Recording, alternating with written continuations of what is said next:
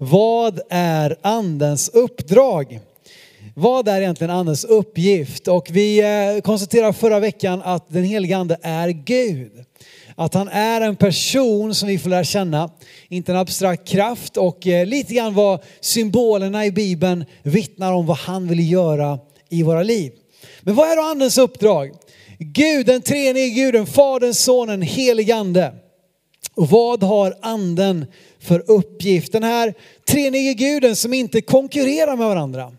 Fadern, Sonen och Anden har ingen konkurrenssituation där de försöker tävla med varandra, utan det är en fullständig harmoni där de fungerar tillsammans utan konkurrens, utan att liksom eh, tävla mot varandra. Men samtidigt ser vi genom skriften också att de har olika uppgifter, olika uppdrag. Och vi ska börja med att läsa då Johannes 16 och vers 7. Eh, Johannes 16, vers 7. Och eh, som sagt då, Johannes 14, 15, 16 är en härlig undervisning om liksom, vad en helig ande ska göra för oss. När Jesus talar om att han ska lämna så berättar han att istället ska han sända den helige ande. Fadern ska sända anden. Så så här, Johannes 16 och 7. Jag säger er sanningen. Jag säger er sanningen, det är för ert bästa som jag går bort.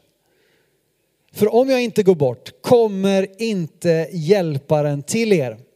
Men när jag går bort ska jag sända honom till er. Det är inga små ord här, det är för ert bästa att jag går bort. Jag tror att många av de lärjungarna skulle säga, nej det bästa vi har varit med om det är att du har varit här. Att vi har fått följa dig, att vi får gå med dig. Hur kan du säga att det bästa för oss är att du ska gå bort? Jo, för att Jesus skulle inte bara gå bort som vem som helst, han skulle dö på korset, besegra synden, erbjuda frälsning till hela skapelsen, till hela mänskligheten för all tid framöver och möjliggöra för oss som är pånyttfödda genom tron på Jesus att också få bli fyllda med den helige ande.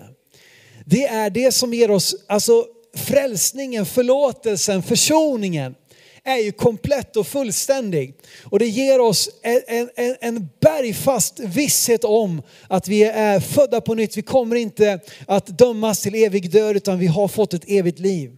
Men anden hjälper oss att inte bara vänta på döden utan att få leva här och nu som Jesu händer och fötter i den här, på, den här, på den här jorden. Ehm, och just det här ordet hjälparen, lite tidigare i 14 och 16 så säger Jesus en annan hjälpare, jag ska sända er en annan hjälpare.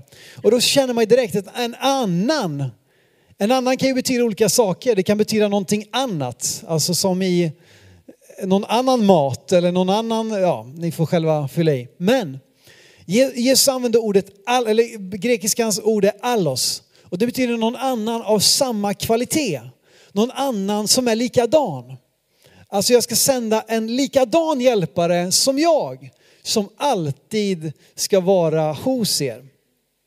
Ehm, och Jesus och anden är så förenade i sitt väsen. Och jag tror att när Jesus säger i Matteus 28, jag, jag är med er alla dagar, inte tidens slut, så talar han om anden. Alltså de, de, är så, de är så ett i sitt väsen. Och anden är närvarande, anden är oss given. Eh, och det här ordet hjälparen då, Eh, på, på grekiska är det parakletos. Parakletos. Och det ordet används bara i Nya Testamentet för att beskriva anden och Jesus. Fyra gånger om anden, en gång om Jesus.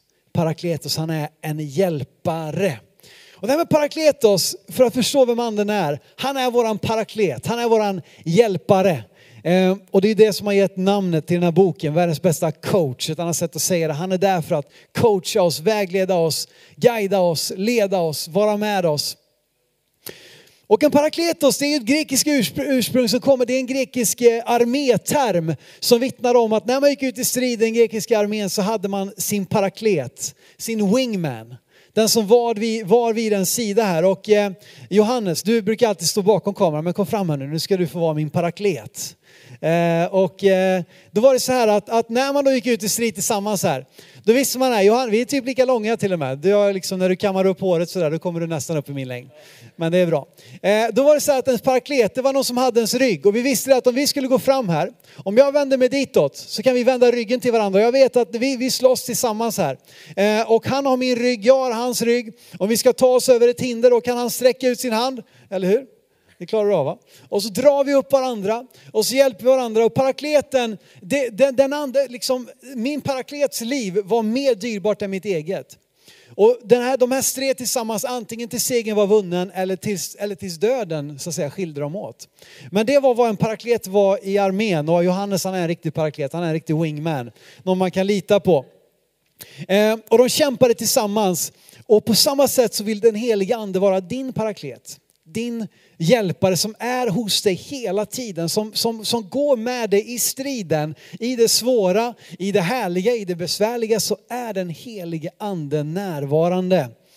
Och han vill ge, ge dig kraften i det uppdrag som Jesus gett oss. För det var det enda som var viktigare än, än, än, än varandras liv. Det var uppdraget man hade i armén. Och på samma sätt har Jesus gett oss ett uppdrag. Och med den helige andes hjälp så kan vi få vara i det uppdraget. Han är vår hjälpare.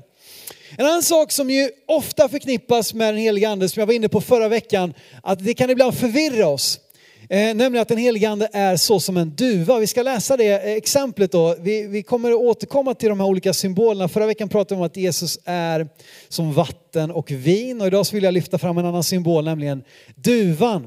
Eh, Matteus kapitel 3 kom in i sammanhanget där Johannes döparen döper Jesus. Ehm, och så står det ju det här som ju har blivit liksom nästan symbolen med stort S liksom för anden. Som som sagt gör att vi ibland har fått det lite svårt för oss. Vi tror att han är en duva, men kom ihåg symbolerna visar att han är så som vatten, så som vin, så som en duva. Och vi läser det i Matteus 16, eh, Matteus 3, vers 16. När Jesus hade blivit döpt steg han genast upp ur vattnet. Då öppnades himlen och han såg Guds ande sänka sig ner som en duva och komma över honom. Alltså en av symbolerna Bibeln använder för att beskriva en helig ande är en duva. Och duvan vet ni, jag vet inte om ni kommer ihåg det, men Noas ark när de var, eh, världen hade lagts under dom, det hade varit en översvämning över hela jorden. Så sänder Noa till slut ut en duva som kommer tillbaka med en olivkvist i näbben. Han kommer med glädjebud, han kommer med eh, också liksom, det finns en framtid. Och det här har blivit också en symbol för fred. I hela världen så är duvan en symbol för fred. Duvan är en symbol för en glädjebudbärare. Eh, och det är vad anden vill göra i våra liv. Och ni vet Jesus är fridsfursten. Jesus är fredsfursten och den helige ande, något av det som han gör det är att han ger frid. Han kommer med frid. Eh, och, eh, och på samma sätt då som, som det här med fred också. Vi kan läsa om andens enhet. Det är vad den helige ande bidrar till i Guds folk. Det är enhet, det är frid, det är harmoni. Och jag det smärtar mig när jag tänker på hur mycket av Guds församling som ständigt är i splittring, ständigt är i gräl, ständigt håller på och krånglar om en det ena, en det andra. Och jag tror att vi behöver mer utav andens enhet för att komma till rätta med de här olika sakerna i våra församlingar. Men vad är duva mer då? Jo, en duva är också skygg. Ni vet en duva, om vi är varsamma, om vi går ut på torget där det finns duvor och vi sitter lugnt och vi liksom lockar till dem med liksom smulor så kan de komma till oss och till slut till och med äta ur vår hand om vi är varsamma. Men om de anar hot så kommer de flyga iväg. Då kommer de sticka iväg. Testa liksom om du sitter där med handen och en brödsmula och de kommer fram och pickar där ur din hand och så gör du en hastig rörelse, då kommer de sticka iväg. Så är det också med anden. Att anden är, alltså Känslig låter ju eh, liksom som att han är svag eller att han är klen. Men alltså andens närvaro är någonting som vi måste vårda dyrbart. Och en sak som driver anden bort det är ju splittring och gräl. Anden trivs inte där det är liksom eh, rörigt och stökigt. Utan vi måste vara varsamma över anden. Han är som en duva. Någonting som vi inte ska ta för givet utan någonting vi ska vårda. Och därför är det också viktigt det här med att, att vi blir fyllda med den heliga ande. Och så kanske vi håller kvar vid alla möjliga saker i våra liv som fortsatt får ha en viktig del i våra, i, i, i våra liv. Som är helt i clash med vad anden vill göra i våra liv. Ja, då kommer anden att lämna. Alltså, han, han, kommer inte, han kommer inte trivas på en plats där, där, där vi liksom fortsätter fylla oss med massa skräp och saker av den här världen. Utan om han är våran, eh, våran eh, hjälpare, om han är våran vägledare, så måste vi också vårda hans närvaro. Och det är ganska intressant, vi ska läsa Matteus kapitel 12 och vers 31 här. Jesus säger någonting, ett väldigt allvarsord kopplat just till den helige ande. Han säger så här, och det här är ju någonting som, har, som, har, eh, som, som kristna förr eller senare ofta, det här, kan, det här kan leda till en kris i våra liv som kristna när vi läser det här ordet för vi undrar, har jag gjort det? Är det jag? Står det om mig? Jesus säger i alla fall så här, Matteus 12.31, därför säger jag er, all synd och hädelse ska människorna få förlåtelse för, men hädelse mot anden kommer inte att förlåtas. Det står inte med på skärmen men vidare står den som säger något mot människosonen, alltså Jesus själv, han ska bli förlåten. Men den som talar mot den helige ande kommer inte att bli förlåten. Det är ett väldigt allvarligt ord. Och det talar någonting, säger någonting om andens liksom varsamhet. Att anden är som en duva. Och det som, hur hädar man då den heliga ande? Och det är här som jag menar, det är här som ofta människor kommer till en kris, att man undrar, har jag hädat den helige ande? Har jag sårat den helige ande? Och jag brukar alltid säga till den som kommer till, till med den frågan med ett uppriktigt hjärta, så säger jag just det att du ställer den här frågan med, med en omvändelse i ditt hjärta vittnar om att du inte har gjort det.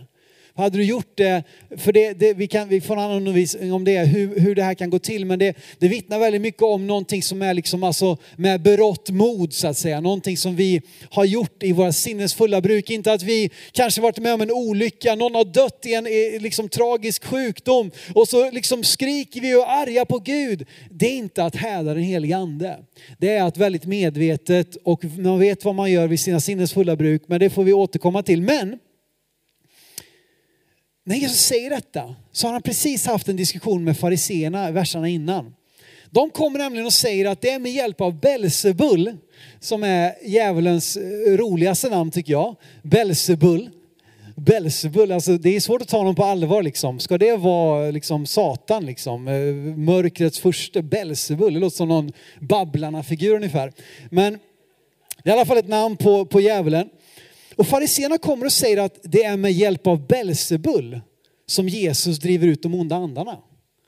Och så förklarar Jesus att nej, det, det funkar inte så, man kan inte, liksom, det, det kommer ställa till problem. Och sen säger han, den som hädar den helige ande kommer inte att bli förlåten. Han säger i en kontext av att de fariséerna har dömt det som anden gjorde och kallat det för Satans verk. Det är det som står i direkt kontext till att Jesus säger att den som hädar den helige ande.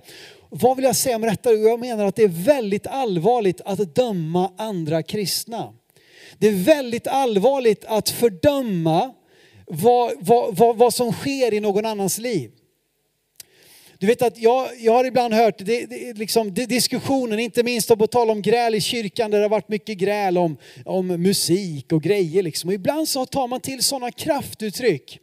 Um, och, och liksom fördömer då någon annans sätt att närma sig Gud, fördömer någon annans, eh, liksom, en, en, vad, vad, Gud gör, vad anden gör. Om man säger det där är, det där är, bara, det, det är liksom bluff och båg, det är från djävulen eller vad man nu säger för någonting. Det är väldigt allvarligt om vi förstår vad Jesus säger. Därför tror jag inte att vi ska lägga allt för mycket fokus, eller kanske nästan ingenting, på att fördöma andra troende. Vi är kallade att ta ansvar för vårat liv, för våran kallelse, för våran församling.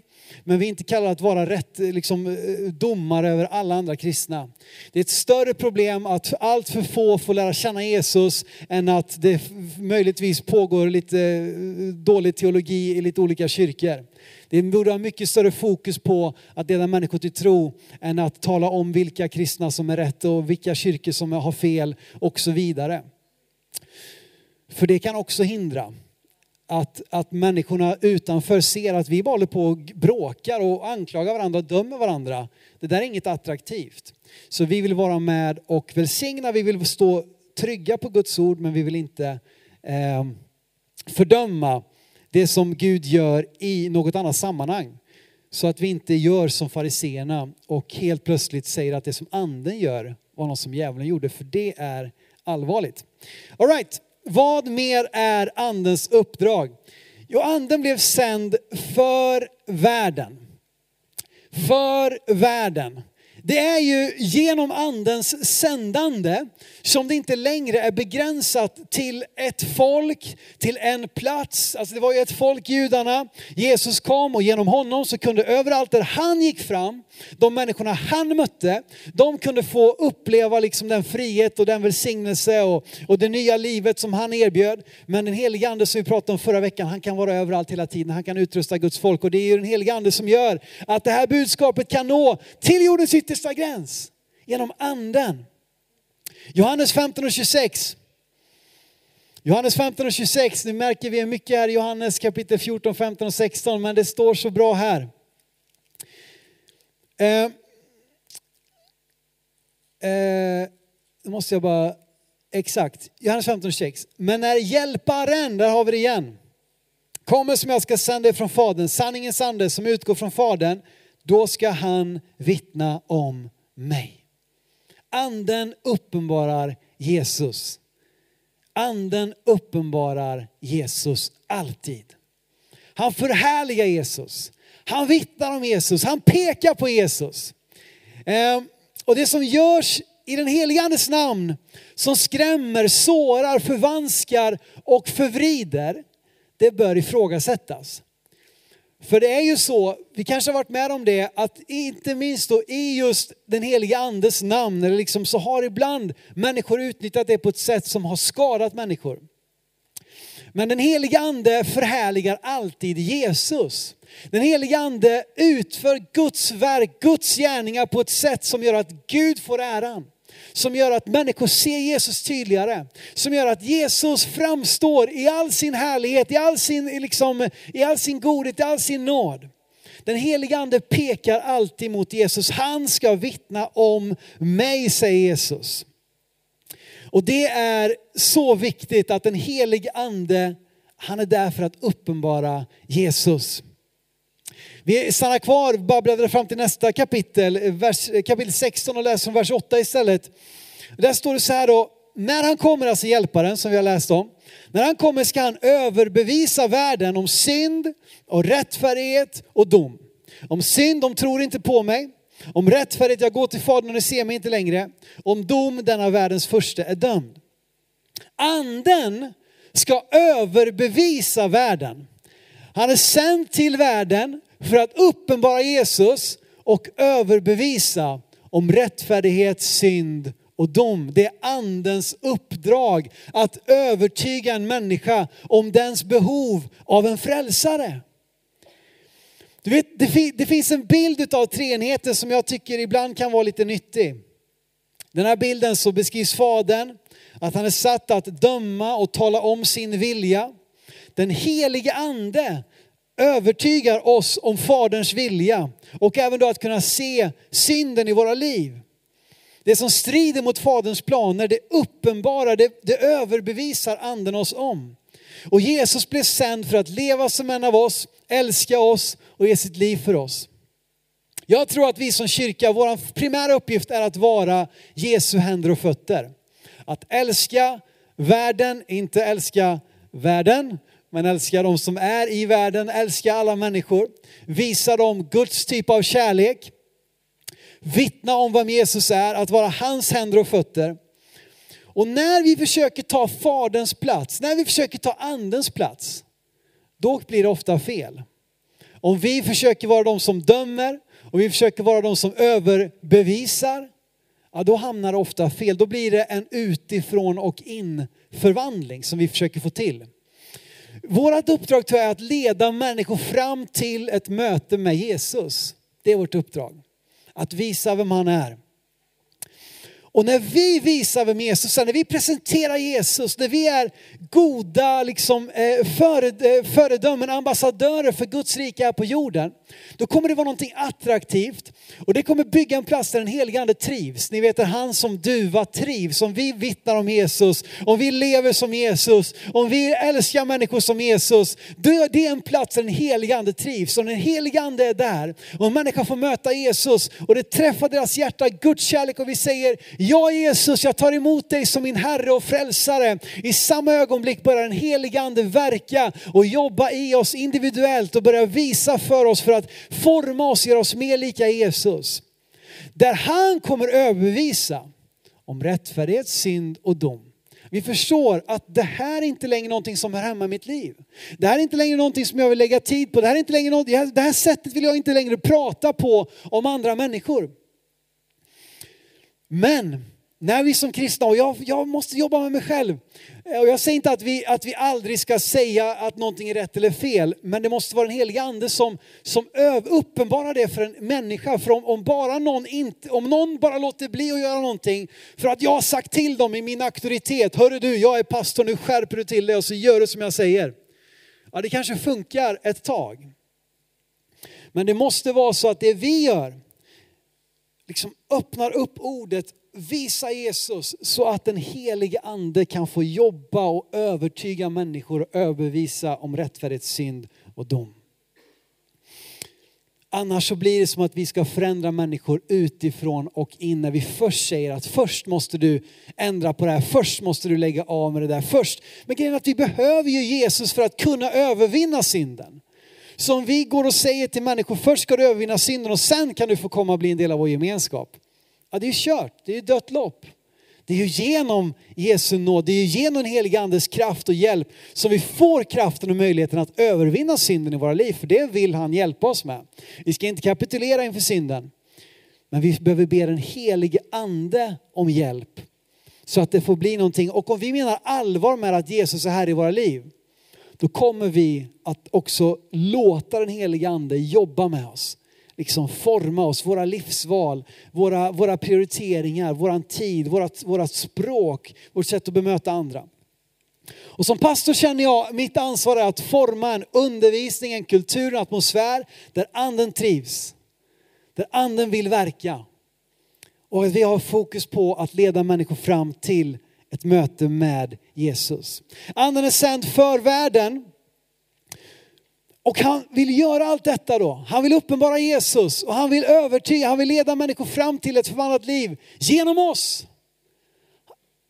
Verktyget som Gud väljer att använda är dig och mig, Guds församling de troende, Guds folk, det är oss han vill verka i och genom. Först genom att bygga upp vår inre människa och det är vad anden gör. Romarbrevet 8, 8 26-27.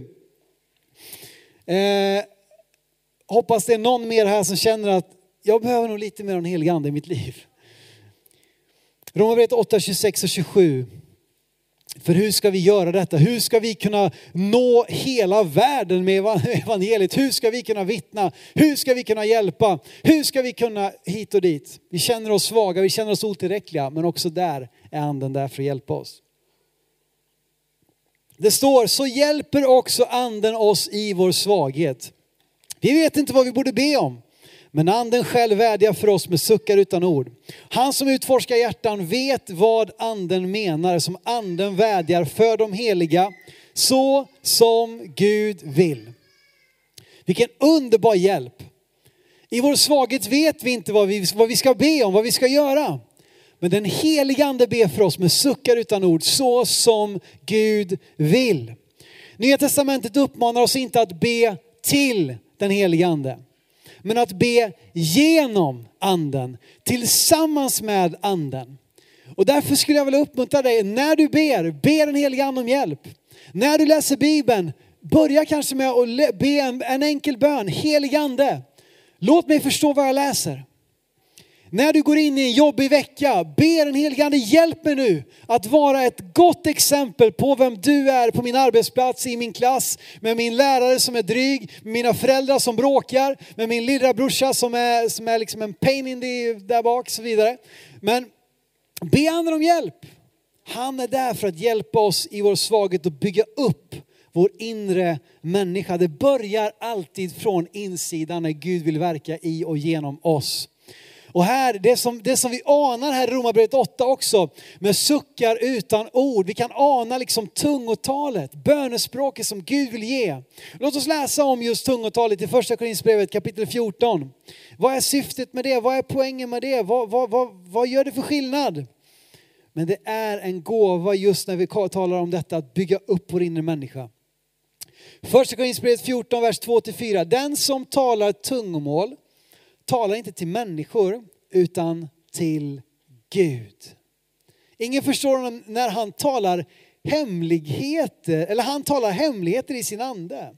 Den som profeterar talar till människor ger uppbyggelse, eh, ger uppbyggelse, uppmuntran och tröst. Den som talar tungomål bygger upp sig själv. Den som profeterar bygger upp församlingen. Då kan man tycka, ja, vi borde, vi borde inte tala så mycket tungor, vi borde profetera mer. Absolut, vi borde profetera mycket mer i våra samtal när vi möter varandra, när vi bryr oss om varandra, när vi ber för varandra så borde vi förvänta oss att vi ska få vara profetiska i vår bön, profetiska i våra sms, profetiska i våra samtal. Det borde vi verkligen be Gud om. Men vi ska därmed inte förminska tungotalet. Den som talar tungor talar med Gud. Hemligheter i sin ande. Wow! Du har ett hemligt språk, inte bara med någon låtsaskompis, utan med Gud själv. Det här är ett språk också som den onda andevärlden inte förstår. Det är ett språk där Guds ande connectar med den himmelska världen igenom vår ande. Och vi får en direkt länk, en direkt uppkoppling. Och därför vill jag uppmuntra dig som inte talat i tungor på länge. Blås liv i tungotalet. Du som aldrig har talat i tungor, be Gud den här sommaren att låt mig få börja tala i nya tungor. Det är en rikedom, det är en skatt som bygger upp dig. Är det någon som känner behov av ibland att bli uppbyggd? Då behöver du tala i tungor. Det är en gåva. Det är inget krav. Vi kommer ha en söndag som har frågan, måste alla profetera och tala i tungor? Det är en senare fråga. Men just nu så vill jag bara säga att tungotalet är en skatt. Genom tungotalet så kan vår inre människa byggas upp och vi connectar med Guds ande. Så, och du som kanske är ny i kyrkan tycker det här med pingstvänner, det här med tungotal, jag hör någon prata, det låter som ett konstigt språk, men vet du vad? Det är någonting ljuvligt, det är någonting underbart. Det är ett hemligt språk där vi talar med den himmelska världen och öppnar upp för Guds ande att verka, att tala. Och ofta när vi talar i tungor så kanske vi blir påminna om en människa. Be för den. Vi kanske får frimodighet, vi kanske får ett kunskapens ord. Vi kanske får en profetisk hälsning därför att vi talar i tungor, vi bygger upp vår ande när vi samverkar med Guds ande. Så att vi också kan få vara till nytta och kan profetera och kan uppmuntra någon annan. Och den heliga ande också, han ger kraft att vara vittnen. Han bygger upp vår inre människa, det börjar alltid där. Gud verkar så inifrån och ut. Han föder oss på nytt inifrån. Den heliga ande flyttar in i oss i frälsningen. I andens dop så kommer han över oss. Han blir liksom, han, han, han innesluter oss i sin kraft. Vi blir doppade i Guds kraft så att vi får kraft att också vara vittnen utifrån det som Gud har gjort i oss så vill han också låta det ske igenom oss. Och här är den helige ande också helt avgörande. Apostlagärningarna 1 och 8. Och eh, det här är väl ett bibelord som vi, några av oss i alla fall, borde kunna utan till. Det står, för hur ska allt det här gå till nu då? Den här nervösa skaran lärjungar som gömde sig så fort Jesus var borta, som, som förnekade Jesus när det hettade till. Hur ska detta gå till nu? Att den här gruppen av liksom vanliga, vanliga människor ur folket, att de ska ta det här budskapet till jordens yttre gräns. Hur ska det gå till? Återigen, den helige Ande.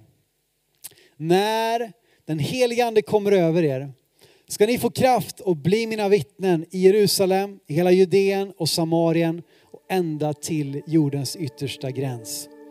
Andens uppdrag att uppenbara Jesus, det vill han göra genom dig och mig. Och genom honom får vi kraft att vara vittnen. Vi pratar bara några som kommit till kyrkan på morgonen just det här med vad, vad coronapandemin har gjort med oss och hur liksom, ja men det, det är ju fantastiskt möjligheten att kunna vara med online, vara med hemifrån. Och, och vi, vi, vi kommer fortsätta med det och vi, vi, det, fin, det är så välsignat att vi kan göra det. Men grejen är att det som är väldigt begränsat när vi bara deltar på avstånd det är just detta. Att få vara ett vittne. Att få vara till välsignelse för någon annan. Inte som att det bara sker här, men ni förstår vad jag menar. Det är någonting med att gå ifrån att bara tänka att kyrkan och gudstjänsten är till för att jag ska bli uppbyggd. Den är det. Vi vill att du ska gå ifrån upplyft, uppmuntrad, stärkt av Guds ord. Vi vill också att du här ska få kraft att bli ett vittne. Att du här ska få vara använd av Gud. Allihopa här kan få uppmuntra någon varje gång ni går till kyrkan.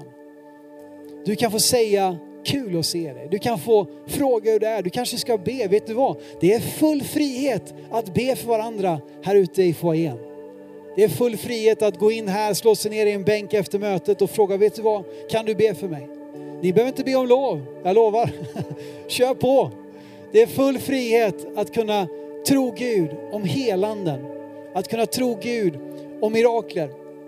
Och det är någonting som är begränsad möjlighet till när vi så att säga eh, deltar på avstånd så att säga. Och Jesus han säger precis innan i Lukas 24, liksom, det är ju samma författare, Lukas har skrivit både Lukas evangeliet och apostlagärningarna. Han säger i Lukas 24.49, jag ska sända över er vad min far har lovat, men ni ska stanna här i staden tills ni har blivit rustade med kraft från höjden. I 98, eh, folkbibeln 98 stod det tills ni har blivit beklädda med kraft från höjden, tills vi får arbetskläder, tills vi får utrustningen, uniformen vi behöver för att kunna vara använda av Gud. Ska vi stå upp tillsammans här?